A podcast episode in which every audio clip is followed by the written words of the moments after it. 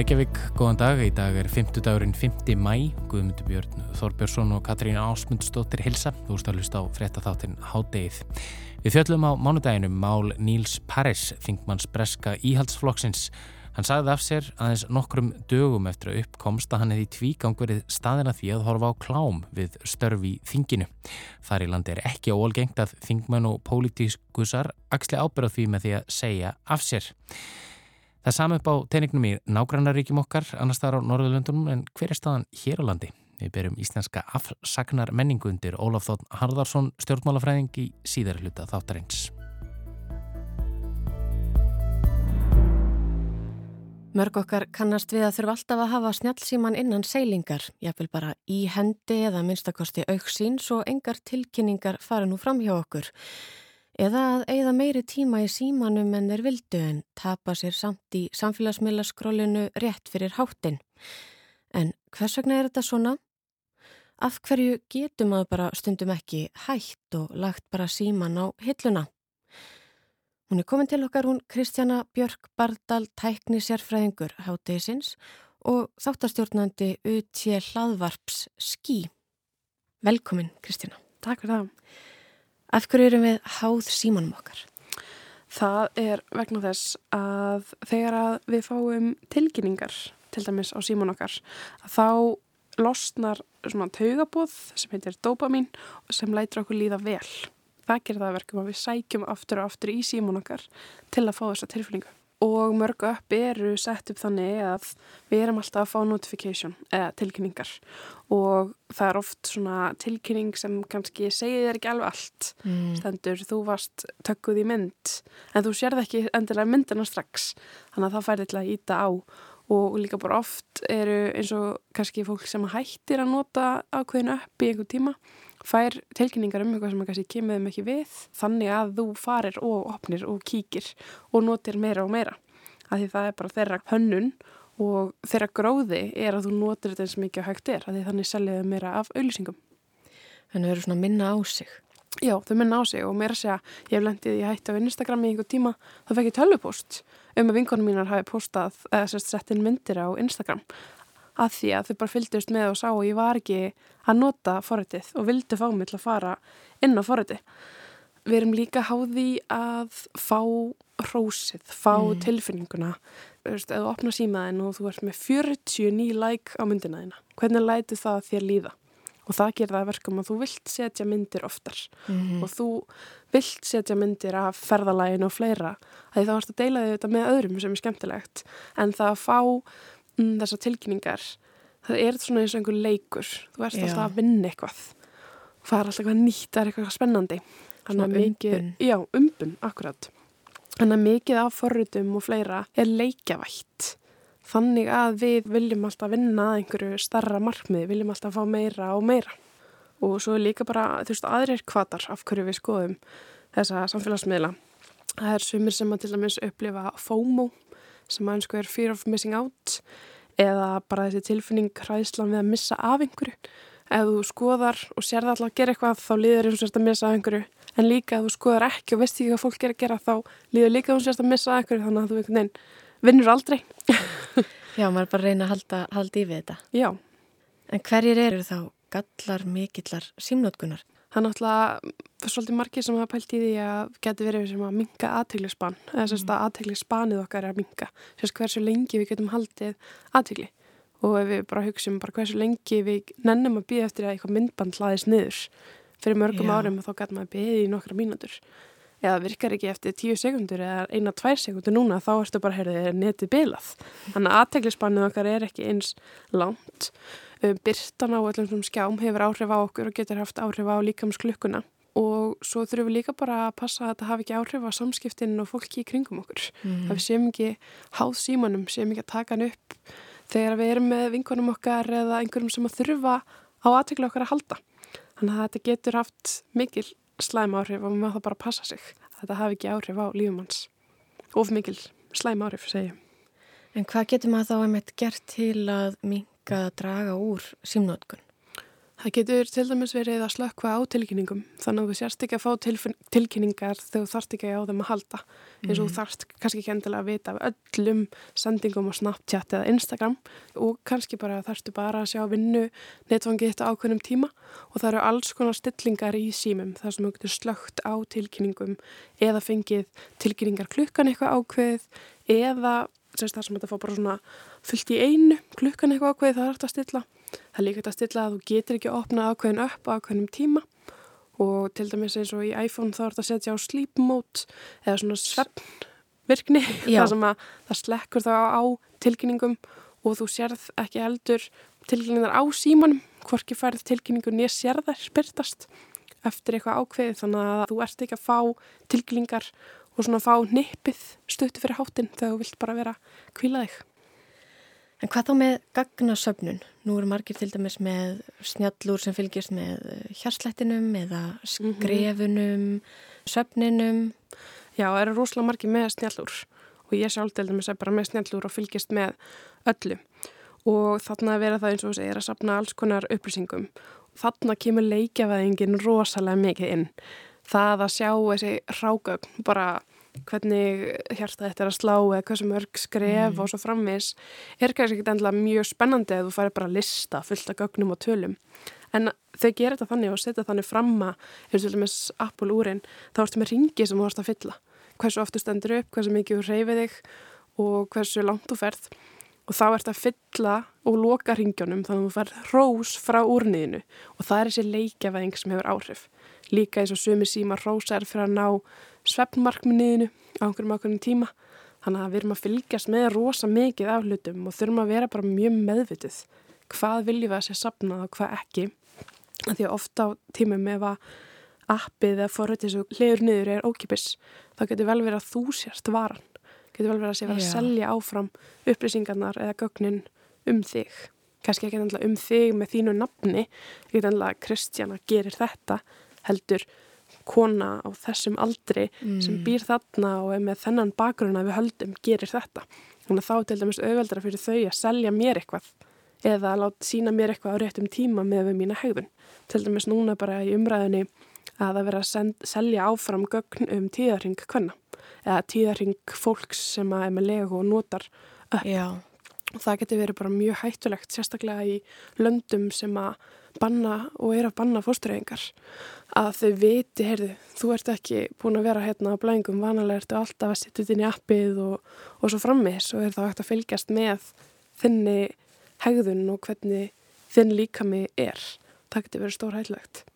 Þannig að það er mjög mikilvægt að bara notendur sé að fylgjast með hvað eru gögnin geimund, af hverju er þetta frítt, um, get ég fengið alltaf eðagögnunum mínum sem er oft mm -hmm. hægt líka með nýju personumvendalögunum uh, það sem fólk hefur innleitt þá getur þau óska eftir að vita hvað þau verið að sapna um þig sem getur verið gott líka. Mm -hmm. en bara um að gera að vera meðvitaður og ekki alltaf leifa að gefa allt um þig og allar upplýsingar. Bara taka upplýsta ákvörun og sjá hvort þú þurfi virkilega á þessu appið að halda stundum. Akkurat, takk kella fyrir komuna Kristjánu Björg Bardal. Takk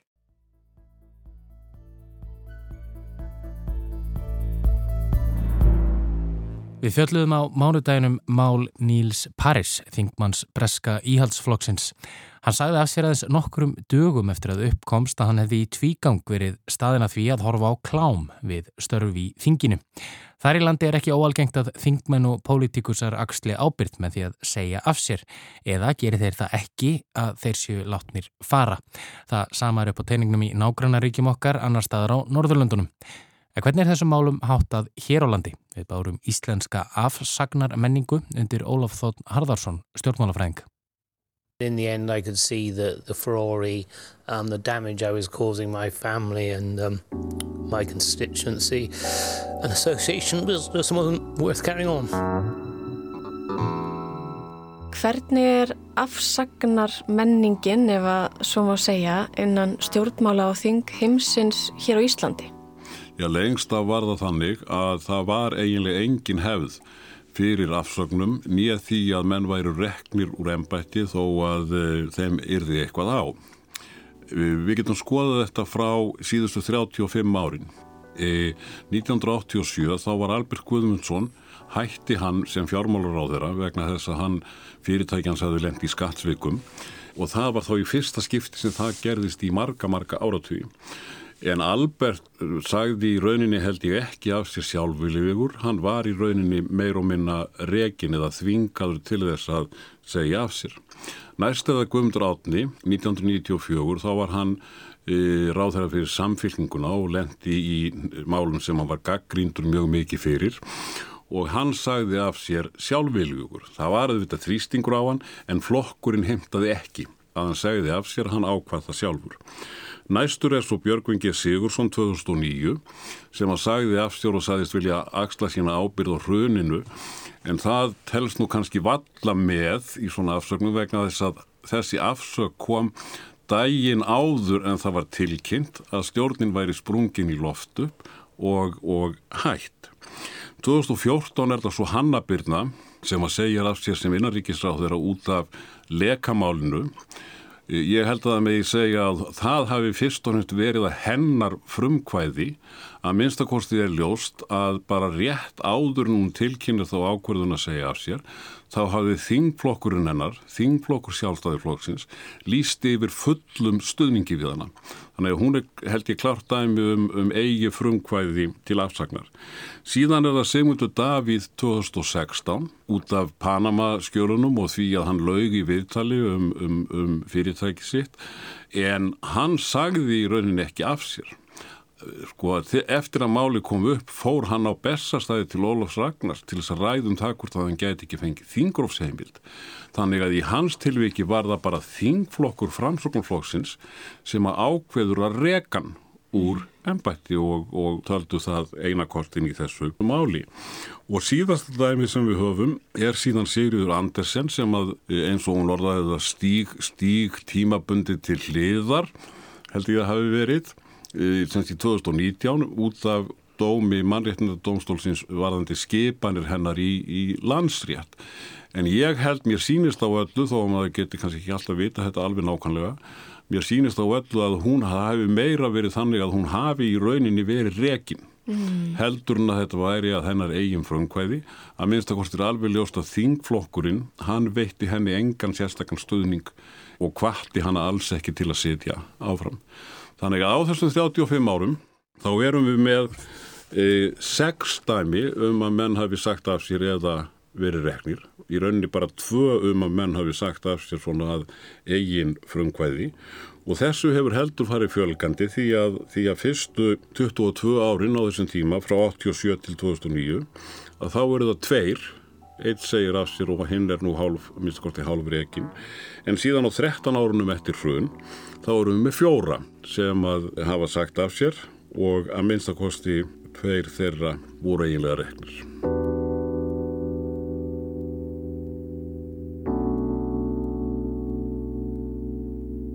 Ef að við berum okkur til að með saman við nágrannalöndin eða önnu ríki, hvernig eru við hér á landi að nota og beita uppsögnum stjórnmálamanna? Já, ef við horfum á nágrannlöndin og norðurlöndin þá er miklu miklu algengara þar að ráð þeirra segja af sér ef þeir lenda í erfiðu málum við höfum fjölmörg slíktæmi frá Svíþjóð, Noregi og, og Danmörku e, þar er talið eðlilegt að menn segja af sér fyrir alls konar pólitísk mistök en það sem að er hins vegar mikilvægt þar og reynda líka í Englandi þar sem að er mjög algengt að ráðherrar turfi að segja af sér að bæð á Norðurlöndunum og, og í Breitlandi að þegar að ráð þeirra að segja af sér þá er það í rauninni ekki dauðadómur í pólitík. Mm. Eh, það er að segja að það er yfirleitt litið svo á að þeir þurfi bara að setja út sína refsingu. Þetta er svolítið eins og í handbóltanum menn, menn séu reknir út af í tvær minnundur. Eh, þeir geti sem sé komið aftur þegar þeir eru búinir að axla ábyrð með því að vera, vera ekki ráð þeirrar í einhvern tíma og Og það gerir í rauninni það að menn eigi þessa líflínu, ef við viljum orða það þannig, gerir það náttúrulega verkum að það er auðveldara að segja af sér, eða það er náttúrulega líka oft þannig að fórsettis að reka þá, en oftar sennilega að, að þeir segi sjálfur af sér og það er ekki endur komið von eh, skiptir miklu máli. Er það ekki tilfelli hér á landi að maður er endur komið? E, við skulum nú sjá, sjá jú, sko, jú, jú, Albert náttúrulega, sko, hann gekk ekki úr flokknum þó hann er það hægt að sem vera á þeirra en þegar að Þorstein Pálsson lísti því yfir bara rétt áður en að frambóðsfestur rann út að Albert yrði aldrei aftur ráð þeirra fyrir sjálfstæðarflokkin en hann var, var sem sé átt að vera í efstasætin í Reykjavík á lista sjálfstæðarflokksins þá stopnaði Albert borgarflokkin og fekk glimrandi kostingu 87, fekk 10,9% atkvæða en svo hætti hann í pólitíka á kjörtíðanbylnu og eftir. Nú Guðmundur Átni, hann sagði af sér ráðherradómi, hann átti ekki eftirkvæmt í, í, í ráðherrasæti en það fór flokkurinn fljóðlegi stjórnaranstöðu en Guðmundur Átni var nokkrum árum síðar formaður alþýðuflokksins. Þannig að það að segja af sér bara ekki döðadómur yfir honum í, í pólitík. Hannabitna hins vegar hætti fljóðlega í, í pólitík og, og fór í annað Sigriður Andersen tapaði svo í prófkjöri, flokksískin hennar refsuðinni kannski fyrir landsréttarmálið og Sigmundur Daví náttúrulega hann eins og Albert stopnaði sín eigin flokk og 2017 sem sé býður Sigmundur fyrst fram miðflokkin og svona til að það hefur að minnst að kosti skemmtigildi að, að, að flokkurinn fekk nákvæmlega sömu prósentutölu og borgaraflokkur Albers hafi fengið 1987, báðir fengur 10,9% en miðflokkurinn vinnur á öðru með þriðja aukastaf þegar að raða þeir eftir stærsta kostingasigri eða mesta kostingasigri nýs flokks í sínum fyrstu kostingum.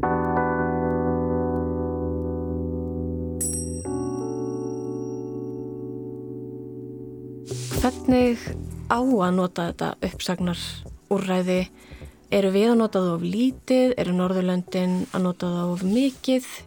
Það er erfitt að vera með einhvern endanlegan dóm um þetta. Þetta tengist í rauninni svona siðferðikend og þetta tengist mjög mikið líka í hennum pólitíska kúltúr í viðkomandi landi. Hvað mm. þykir við hæfi og hvað þykir ekki við hæfi. Personlega held ég að, að það væri ágætt fyrir okkur að, að færa okkur nær Norðurlöndunum Það er að segja, ég held að það geti skipt máli fyrir tröst almennings á líðræðinu, tröst almennings á stjórnmálunum sem að hefur átt álítið undir högg að sækja á Vesturlöndum síðustu árin og áratugina, að það geti sem sé ítt undir tröstið að menn sjáu að ef að ráðherrum verður eitthvað á og auðvitað verður ráðherrum á eins og öðrum, það er bara mm. eðlilegt e, að þá sé litið svo á að það sé eðlilegt að þeim sé skipt út af í, í einhvern smá tíma hins vegar þá verður alltaf erfitt að skera úrum hvaða mál það eru nákvæmlega sem að verðskulda það að menn segja af sér eða, eða séu settir af. Og það er í rauninni þá annars vegar bara mat viðkomandi ráð þeirra en það litast auðvita eins og ég segi af kúltúrnum sem ríkir mm. í landinu. Og hitt ráðið er náttúrulega það bara að flokkurinn ákveði að nú sé komið nóg annarkvort tímabundi eða alveg fyrir viðkomandi ráþeira. Það er í rauninni fyrst og fremst sem sé ráþeirna sjálfur og síðan flokksfélagar hans sem geta slátróðunum.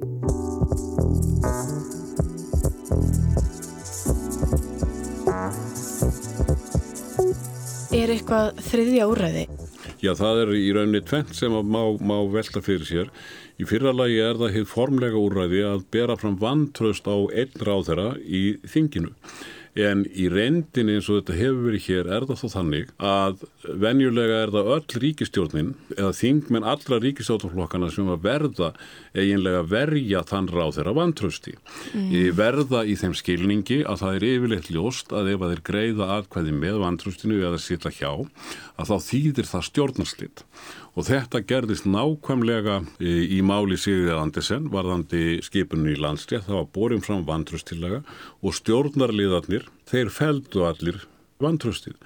Það er hins vegar öll ástæði til að ætla að, að minnstakosti ímsir þingmenn vinstir í græna og kannski líka framsóknflokksins. Þeir voru ekki sérstaklega ánaðir með framgöngu Sigriðar í málunu en vildu ekki slíta stjórninni. Þannig að venjulega þá er þetta ekki virt úrræði. En það sem að má svo velta fyrir sér í framhaldinu er það að frá hruni þá hefur eiginlega skapast hérna sko ný stopnun ef svo má segja í íslenska stjórnmálakerfinu og það eru mótmælafundir á Östuvelli. E, við höfðum sko auðvitað hér 1949 þegar við gengum í NATO, þá urðu mikil ólæti og, og brotnar rúður og slagsmál og tárakas og Östuvelli en það var mjög óvenjulegt af því að svona öflug mótmæli voru ekki algengi í, í landinu og síst af öllu mótmæli sem að bára árangur.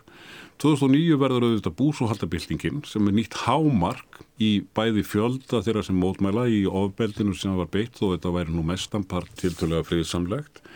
E, þau mótmæli leytið fyrir þess að stjórnin fjall.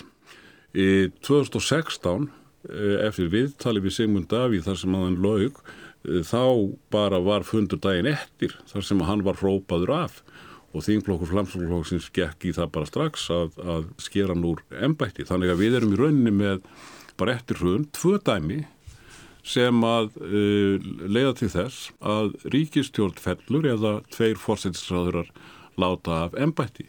Við höfum líka mörg fleiri dæmi um það að það hafi verið, ef mannum mislíkar eitthvað, að það hefur verið reynd að blása til mótmælafunda á Östuvelli og stundum hafa þeir verið bara tiltölega fjölmennir en í öll hinn tilvíkinn þá hafa þeir ekki haft neins svona áhrif.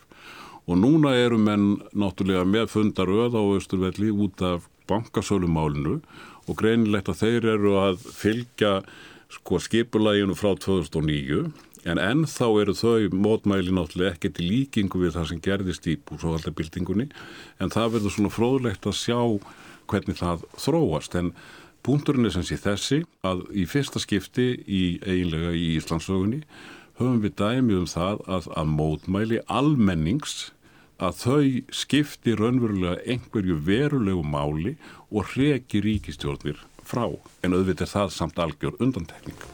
Þúsundir manna mótmæltu kröftulega við Alþingishúsið í dag. Hún er hund ónýtt þessi ríkistjórn og hún hefur svikið öll og varn. Háaðinn var því líkur að Sturla Böðvarsson fórseti Alþingis var það frestað þingfundi. Þú lemur hérna á glukka Alþingishúsið, hvers vegna? Vörð með bakið. Hæ? Vörð með bakið. Þingminn voru ofurliði bornir af hrossabrestum, potta og pönnu glamri og gufu flöytu blístri. Þeir eru hérna nokkra með potta, tókuðu ykkur saman um að koma með þá? Ég er hérna tók pottin og auðsuna úr eftirskapnum heima. Þetta er Íslandsklukkan að ringja út.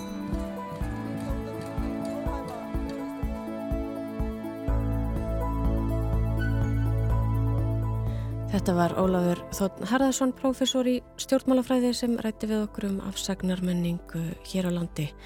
Hátið er þá enda í dag en við verðum hér aftur á sama tíma á morgun. Þátturinn er einnig aðgengilegur í spilaranum og hlaðvarpsveitum og þá er þetta sendt okkur post með ábendingum á netfangið hátið hjá rúf.is. Verið sæl.